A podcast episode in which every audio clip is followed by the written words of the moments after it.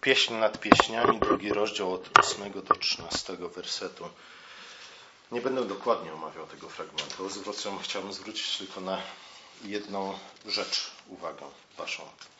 E, ale najpierw może kilka słów wstępu. Pieśń nad pieśniami w przeszłości historycznie interpretowano jako opis y, miłości Chrystusa do Kościoła. Więc można powiedzieć, że interpretowano tę księgę w sposób alegoryczny.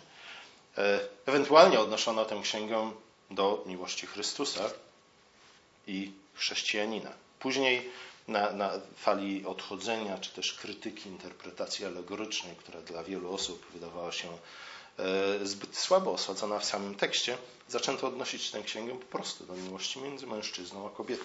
Czy może lepiej powinniśmy powiedzieć między mężem a, żoną.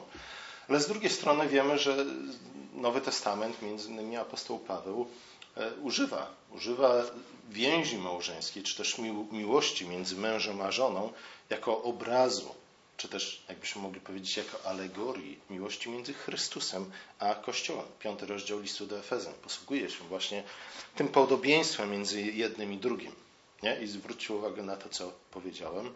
To małżeństwo jest alegorią związku między Chrystusem a Kościołem. Innymi słowy, patrząc na małżeństwo, widzimy odbicie Widzimy symbol, widzimy obraz związku, jaki łączy Chrystusa z Kościołem. Ze względu na to, że więź między Bogiem a człowiekiem, więź między Chrystusem a Kościołem jest pierwotna w stosunku do więzi małżeńskiej. Nie? To nie było tak, że Pan Bóg w którymś, w którymś momencie usiadł i pomyślał, e, jakiego obrazu, jakiej metafory mógłbym użyć po to, żeby zilustrować, czym jest więź między Chrystusem i Kościołem, spojrzał na małżeństwo i powiedział, o, to by mniej więcej pasowało. Nie, raczej, raczej Bóg stworzył małżeństwo, tak jak i całą rzeczywistość, e, dokładnie w tym celu, po to, aby ona ilustrowała, po to, aby była symbolem, po to, aby była e, metaforą, czy też alegorią e, rzeczy o wiele ważniejszych, rzeczy, które generalnie rzecz biorąc nazywamy rzeczami duchowymi, chociaż może nie jest to najlepsze określenie. A zatem to więź między Bogiem a człowiekiem, więź między Chrystusem a Kościołem jest więzią pierwotną. Bóg stworzył małżeństwo po to, aby było ilustracją, po to, abyśmy patrząc na małżeństwo mogli lepiej zrozumieć, czym jest więź między Chrystusem a Kościołem. I tak Pan Bóg stworzył Adama i Ewę i umieścił ich oczywiście w ogrodzie. I mam nadzieję, że słuchaliście dokładnie tego fragmentu z drugiego rozdziału Pieśnia nad Pieśniami i zauważyliście, że, że e, mężczyzna i kobieta, o których jest mowa w tym tekście, czy też którzy wypowiadają się w tym tekście, pojawiają się e, w kontekście, który moglibyśmy nazwać ogrodem. Nie? Jest tam mowa o tym, że zima się skończyła, nastała wiosna i w związku z tym cała przyroda e, rozkwita, rozwija się. Nie? Jest, jest tam mowa o, kwitnących drzewach, jest tam mowa o winnicy, jest tam mowa o drzewie oliwnym. Zresztą o, o samych tych e, rzeczach moglibyśmy wiele mówić, nie? ze względu na to, że winnica, w związku z tym też wino, podobnie jak e, drzewo oliwne i, i oliwa pojawiają się wielokrotnie w Piśmie Świętym. Innymi słowy, e, psalm nad pieś, pieśń nad pieśniami odwołuje się do, do tej symboliki, którą znajdujemy w pierwszych rozdziałach Pisma Świętego.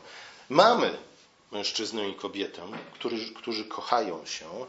E, widzimy ich w kontekście, który bardzo przypomina ogród pański, czy też ogród rajski. Bóg stworzył Adama i Ewę i umieścił ich w ogrodzie po to, aby w tym ogrodzie mogli dojrzeć do zadania, które powierzył im Pan Bóg. A tym zadaniem było, e, no właśnie, co to było? Panowanie nad światem nie? ale nie jakiekolwiek panowanie nad światem. Takie panowanie nad światem, które jest jednocześnie służbą światu. Człowiek miał pomagać światu, pomagać całemu stworzeniu e, w przemianie z chwały w chwałę, w dochodzeniu do dojrzałości. E, człowiek miał jak akuszerka pomagać światu, by urodził to, do czego został stworzony. By w pełni, jakbyśmy mogli trochę abstrakcyjnym językiem powiedzieć, zrealizował swój potencjał. Ogród był więc nie tylko i wyłącznie miejscem odpoczynku dla człowieka, ale także miejscem miejscem, generalnie rzecz biorąc, nauki, miejscem, w którym człowiek spotykał się z Panem Bogiem, miejscem, w którym Pan Bóg wyposażał człowieka, nauczył, informował człowieka, przygotowywał człowieka do zadania, które człowiek miał wykonać. I zadanie człowieka generalnie miało, polegało na tym, że miał e, poza ogrodem, poza ziemią Eden powielać te schematy, które ujrzał, czy też otrzymał od Pana Boga w ogrodzie. Niestety Adam i Ewa nie zdali tego egzaminu wiary i zostali pozbawieni dostępu do ogrodu i do dwóch drzew rosnących w jego centrum. Ale Pan Bóg od razu obiecał, że sprowadzi człowieka z powrotem do ogrodu, po to, aby człowiek mógł wykonać zadanie, do którego został powołany. Pismo Święte bardzo często posługuje się symboliką ogrodu. E, na przykład historia Abrahama i Lota. Nie? Tam między innymi pojawia się ten, ten wątek, dlatego że, że to Lot y, zniecierpliwiony tym, czy też zniechęcony w jakiś sposób tym, że musiał dzielić wspólnie ziemię razem z Abrahamem, y, spojrzał na wschód, nie? w kierunku, w którym Bóg wygnał człowieka i użył tam ziemię, która od razu przypomniała, czy też y, przypomniała mu ogród pański. Przyrównał ziemię otaczającą Sodomą i Gomorę do ogrodu pańskiego. Oczywiście okazało się, że był to fałszywy ogród, ale symbolika ogrodu pojawia się też bardzo często u proroków. Na przykład prorok Izajasz, mówiliśmy o tym w ciągu ostatnich kilku miesięcy, kilka co najmniej razy, zapowiada czasy, mówiąc o, o nadejściu pełni Królestwa Bożego, odwołuje się także do symboliki, która ma wiele wspólnego z symboliką ogrodu. Zapowiada czasy, w których każdy będzie spokojnie żył w swoim domu, każdy będzie jadł chleb ze swojego pola, pił wino ze swojej winnicy, otoczony gromadką dzieci i, i, i wnuków. Ziemia zostanie zagospodarowana, a wszelkie niebezpieczeństwo zostanie zażegnane. Nie? Zatem ten obraz przyszłości narysowany przez, nakreślony przez proroka, e, z jednej strony odwołuje się do ogrodu rajskiego, ale z drugiej strony odwołuje się też do, do tego, iż Pan Bóg od samego początku powiedział, iż stworzenie e, miało rozwijać się, dojrzewać, nie miało pozostać takie, jakim było na samym początku.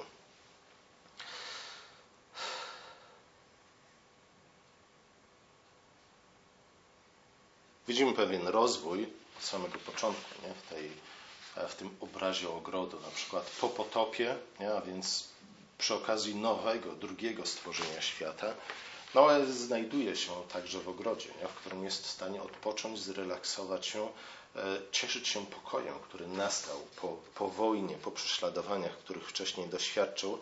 I to właśnie w czasach Noego widzimy, że po raz pierwszy w tym ogrodzie pojawia się wino, czy też winny, winnica. Noe był pierwszym, który napił się wina i mógł też cieszyć się tym napojem, darem danym mu przez Boga. Pojawienie się wina w świecie po potopie było oznaką tego, że co prawda z jednej strony stary świat, zepsuty i zniszczony przez grzech, musiał umrzeć, ale z tej śmierci ta śmierć zaowocowała nowym światem. Pojawił się nowy, lepszy świat, w którym było wino.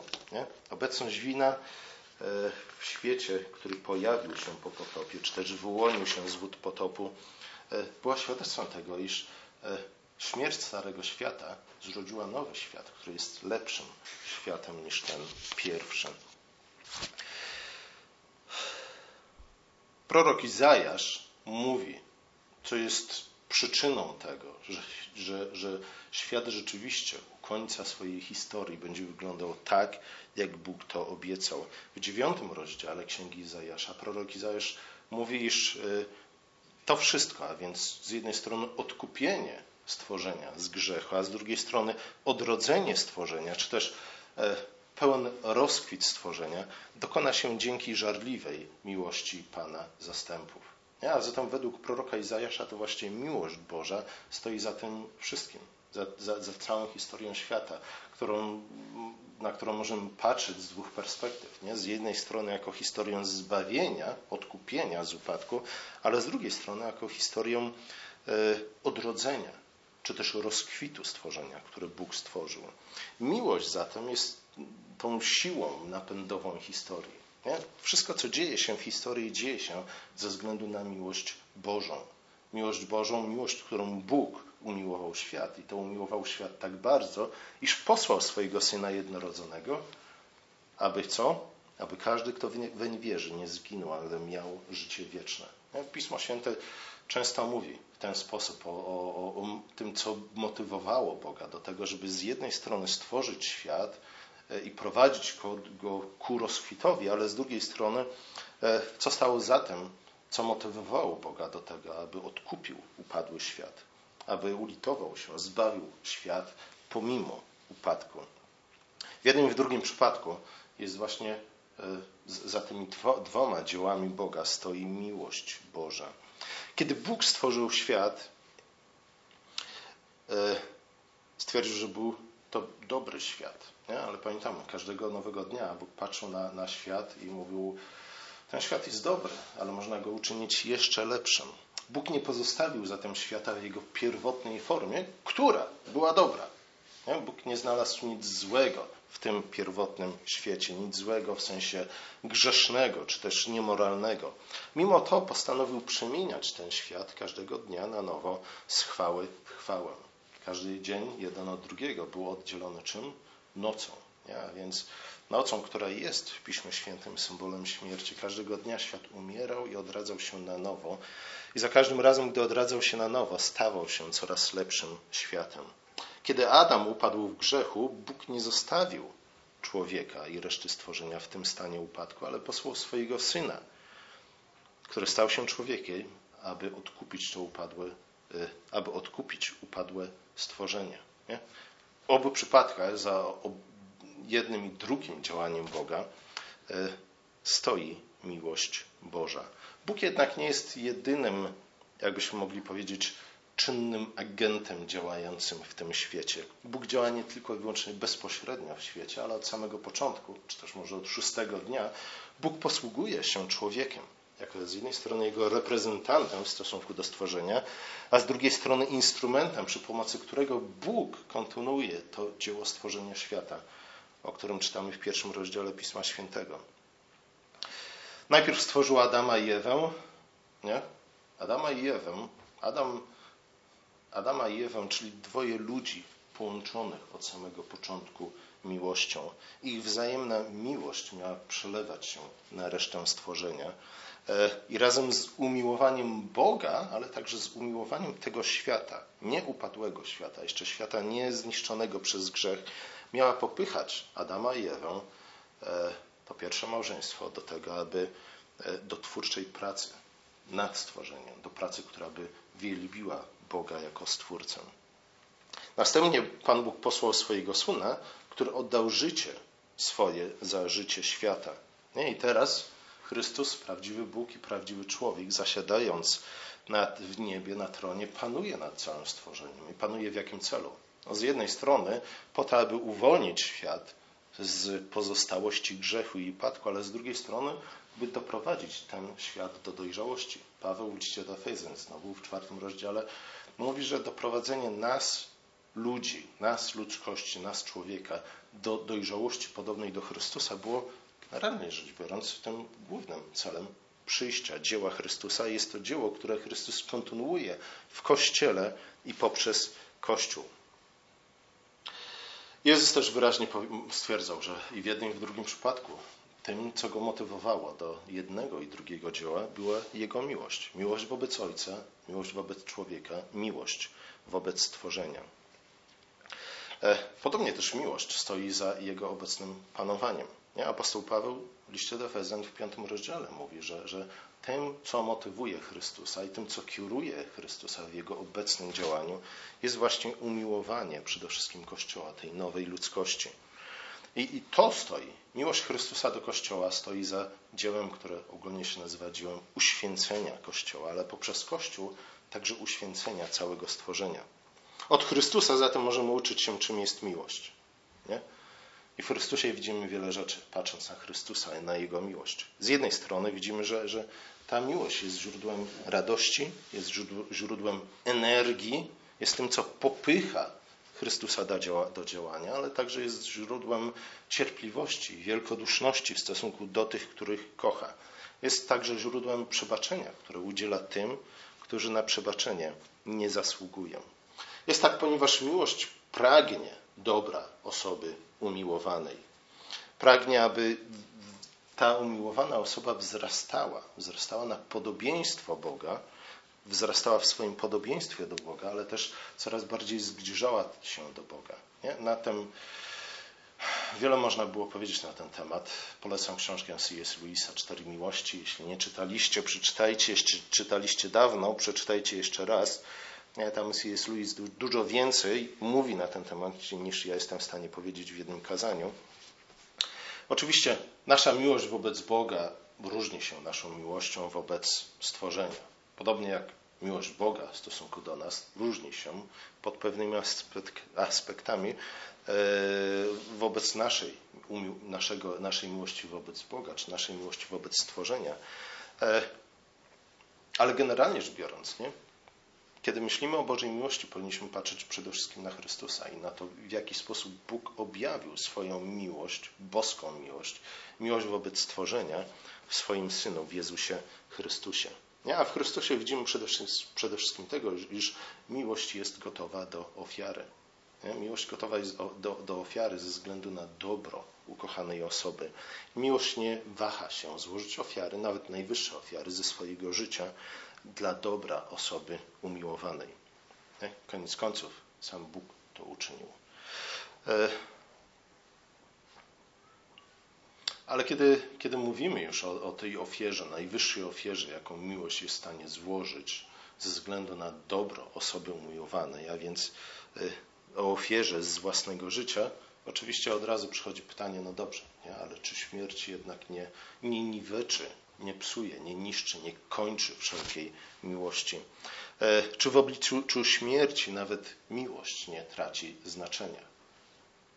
Mówiliśmy ostatnio sporo na temat problemu zła i zauważyliśmy między innymi to, iż, iż dla ateisty to jest główny problem. Nie? Skoro śmierć kończy wszystko, śmierć pozbawia wszystkiego też jakiegokolwiek znaczenia wliczając to także miłość. Ale w ósmym rozdziale Pieśni nad Pieśniami e, Salomon odpowiada na to pytanie, czy też odnosi się do tej kwestii i mówi Połóż mię jak pieczęć na Twoim sercu, jak pieczęć na Twoim ramieniu, bo jak śmierć potężna jest miłość, a zazdrość jej jest nieprzejednana jak Szeol.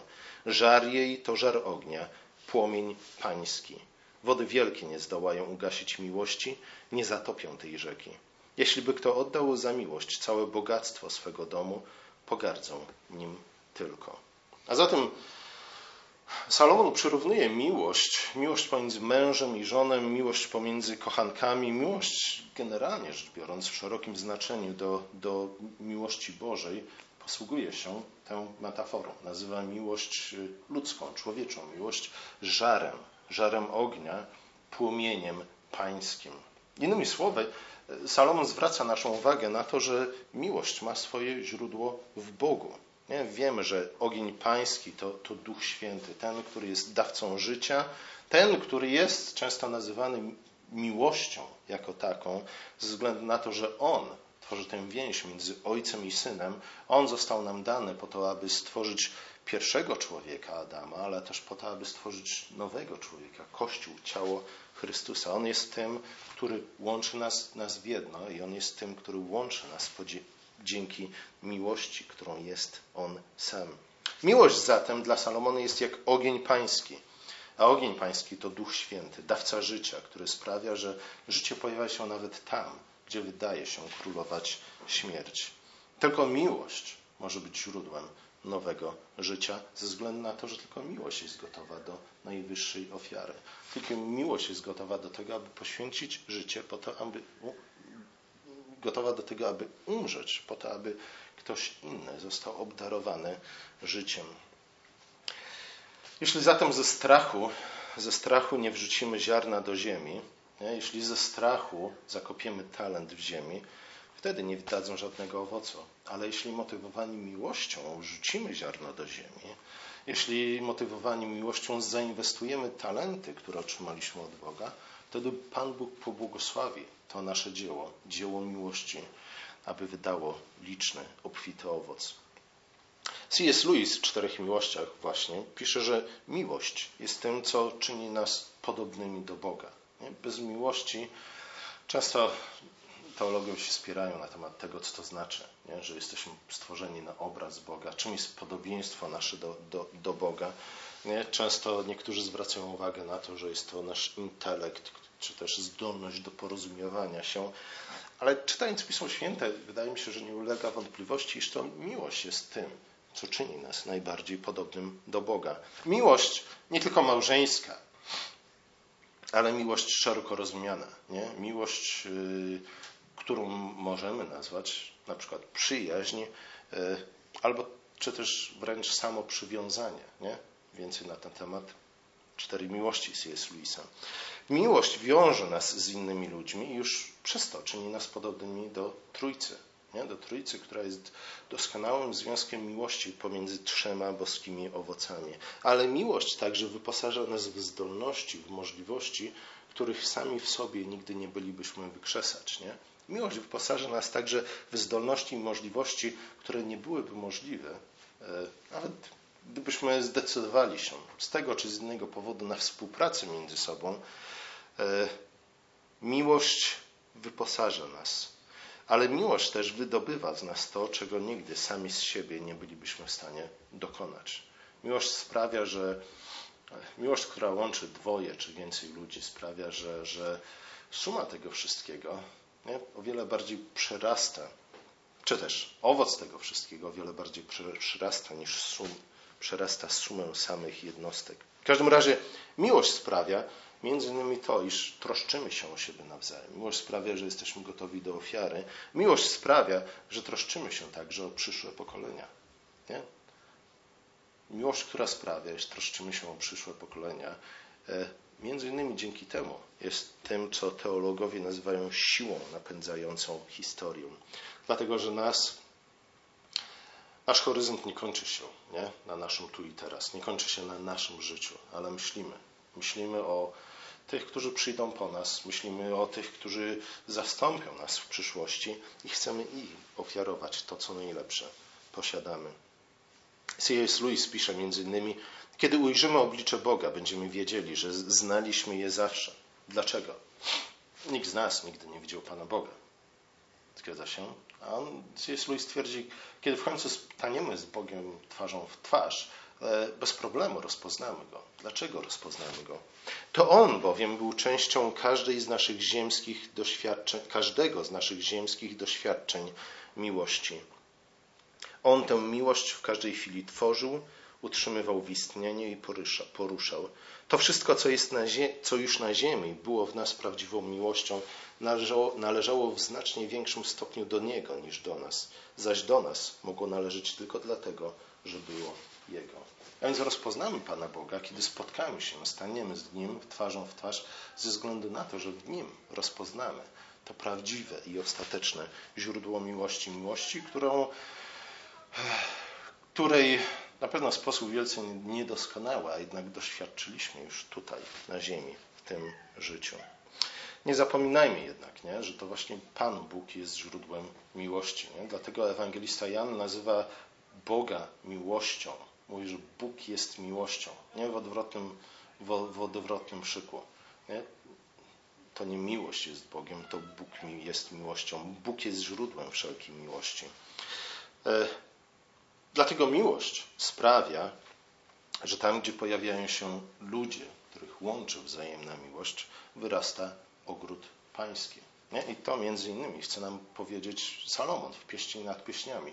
Tam, gdzie pojawia się miłość między ludźmi, tam pojawia się również ogród pański, tam wyrasta ogród pański, tam stworzenie zaczyna owocować, rozwijać się w pełni swojej chwały. E, oczywiście nie chodzi tu tylko i wyłącznie o ogrody, pola, drzewa i tak. Psalmista w 80 psalmie mówi o, o jaki rozkwit stworzenia chodzi. Łaskawość i wierność spotkają się z sobą, pocałują się sprawiedliwość i pokój. Wierność z ziemi wyrośnie, a sprawiedliwość wychyli się z nieba. Pan sam obdarzy szczęściem, a ziemia wyda swój owoc. Dotyczy to oczywiście w pierwszej kolejności Chrystusa i Kościoła, tak jak mówiliśmy. A także Chrystusa i chrześcijanina.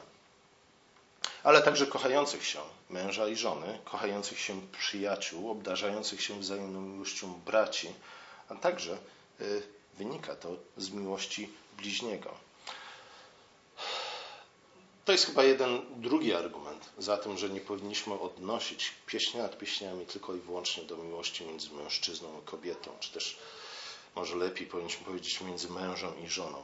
Z jednej strony widzimy, iż y, Paweł w liście do Efezjan posługuje się obrazem miłości małżeńskiej po to, by nauczyć nas czegoś na temat związku pomiędzy Chrystusem a Kościołem, a może na odwrót. Posługuje się związkiem między Chrystusem i Kościołem po to, aby nauczyć nas czegoś na temat miłości małżeńskiej.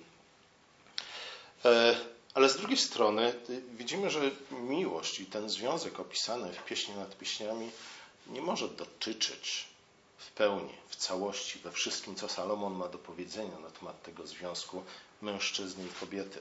Nie? Zwykłego związku między mężem a żoną. To trochę tak jak z ostatnim rozdziałem Księgi Przysłów, czyli przypowieści. Nie? Pamiętacie? Może wy, kobiety zgromadzone tutaj, uczestniczyłyście czasami w, w, w grupach dla kobiet, w których właśnie na których studiowałyście ten 31 rozdział Księgi Przysłów, nie uczyłyście się tego, co to znaczy być e, dobrą, miłującą, kochającą, doskonałą e, nie tylko kobietą, ale e, nawet żoną.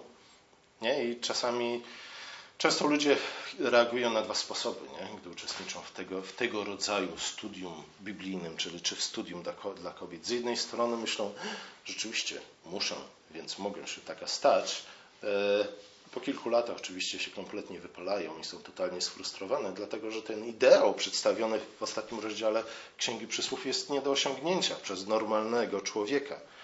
E, z drugiej strony, nie, ta frustracja może przyjść na samym początku. E, kobiety rozkładają ręce, mówią: Nigdy taka się nie stanę. Nie? I wtedy są napominane przez inne, mówiąc: O, powinnaś uwierzyć, zaufać Panu Bogu i bla, bla, bla. E, nie dostrzegamy często, iż ten 31 rozdział Księgi Przysłów mówi, oczywiście można go odnieść pod wieloma aspektami do, do żony, ale przede wszystkim mówi on o Kościele, mówi o, o ludzie Bożym. I podobnie jest z pieśnią nad pieśniami. Nie? Gdybyśmy chcieli to wszystko odnieść do miłości po prostu między mężczyzną a kobietą, byłoby to niemożliwe. Moglibyśmy powiedzieć, a to jest ideo, do którego powinniśmy dążyć. Tak jednak nie jest. Nie? Bogata symbolika, która się pojawia w tej, w tej księdze, a także y, skutki miłości, o których czytamy w tej księdze, zdecydowanie przerastają to, do czego zdolne jest y, małżeństwo jedno, pojedyncze, poszczególne małżeństwa. Tę miłość powin, po, tę księgę powinniśmy odnieść przede wszystkim do Chrystusa i Kościoła, ale także poprzez analogię możemy odnieść do każdego rodzaju miłości. Nie? ale możemy to odnieść przez analogię do każdego rodzaju miłości, miłości małżeńskiej, przyjaźni, przywiązania, ze względu na to, że w pierwszej kolejności odnosimy to do Chrystusa i Kościoła. Miłość małżeńska, przyjaźń, przywiązanie rodzą dobre owoce na tyle, ale są właśnie pochodną miłości Chrystusa w stosunku do Kościoła. Na tyle, na ile są pochodną miłości samego Boże, Bo, Boga. Nie? Na ile są obrazem miłości Boga w stosunku do stworzenia. Ponieważ miłość nie jest Bogiem, lecz to Bóg jest miłością, dlatego odczytowanie pieśni nad pieśniami w kategoriach miłości pomiędzy mężczyzną i kobietą i tylko wyłącznie w tych kategoriach jest błędne. Nie? Wtedy owocem z jednej strony jest frustracja, która przychodzi prędzej czy później, albo z drugiej strony e, niedostrzeżenie bogactwa tej księgi. Nie? Bogactwa, które otwiera się przed nami, jeśli spojrzymy na tę księgę jako księgę mówiącą o Chrystusie i Kościele.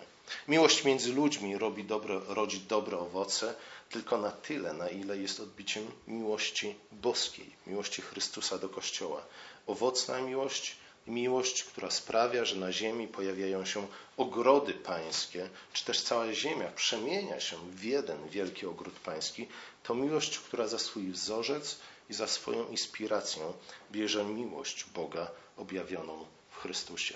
I która rozumie, że żaden stworzony obiekt miłości nie może konkurować ze Stwórcą. Nie? To Bóg musi być naszym ostatecznym, czy też ostatecznym, głównym, nie tylko źródłem, ale też obiektem naszej miłości. I dopiero z tej miłości może wynikać wszelka inna, inna miłość. Miłość, którą obdarzamy naszych współmałżonków, nasze dzieci, naszych braci i siostry, naszych przyjaciół, naszych znajomych.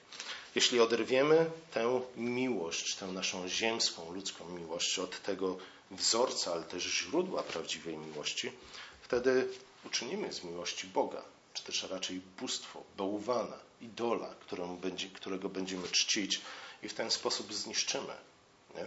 wszelką miłość. Pomódlmy się.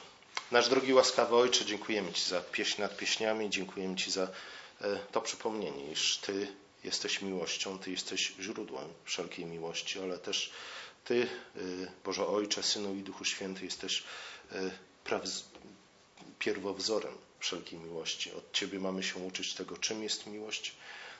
Twoja miłość wzbudziła w nas wiarę, nadzieję i prowadzi nas ku, ku naszej miłości. Prosimy Cię o to, abyś prowadził nas ku, ku dojrzałości w naszej miłości. Prosimy Cię o to, aby nasza miłość była prawdziwie odzorowaniem miłości Chrystusa i Kościoła. Prosimy Cię, aby w ten sposób nasza miłość mogła czynić podobne rzeczy do tych, których dokonuje Twoja miłość wobec stworzenia. Prosimy Cię o to w imieniu Twojego Syna. Amen.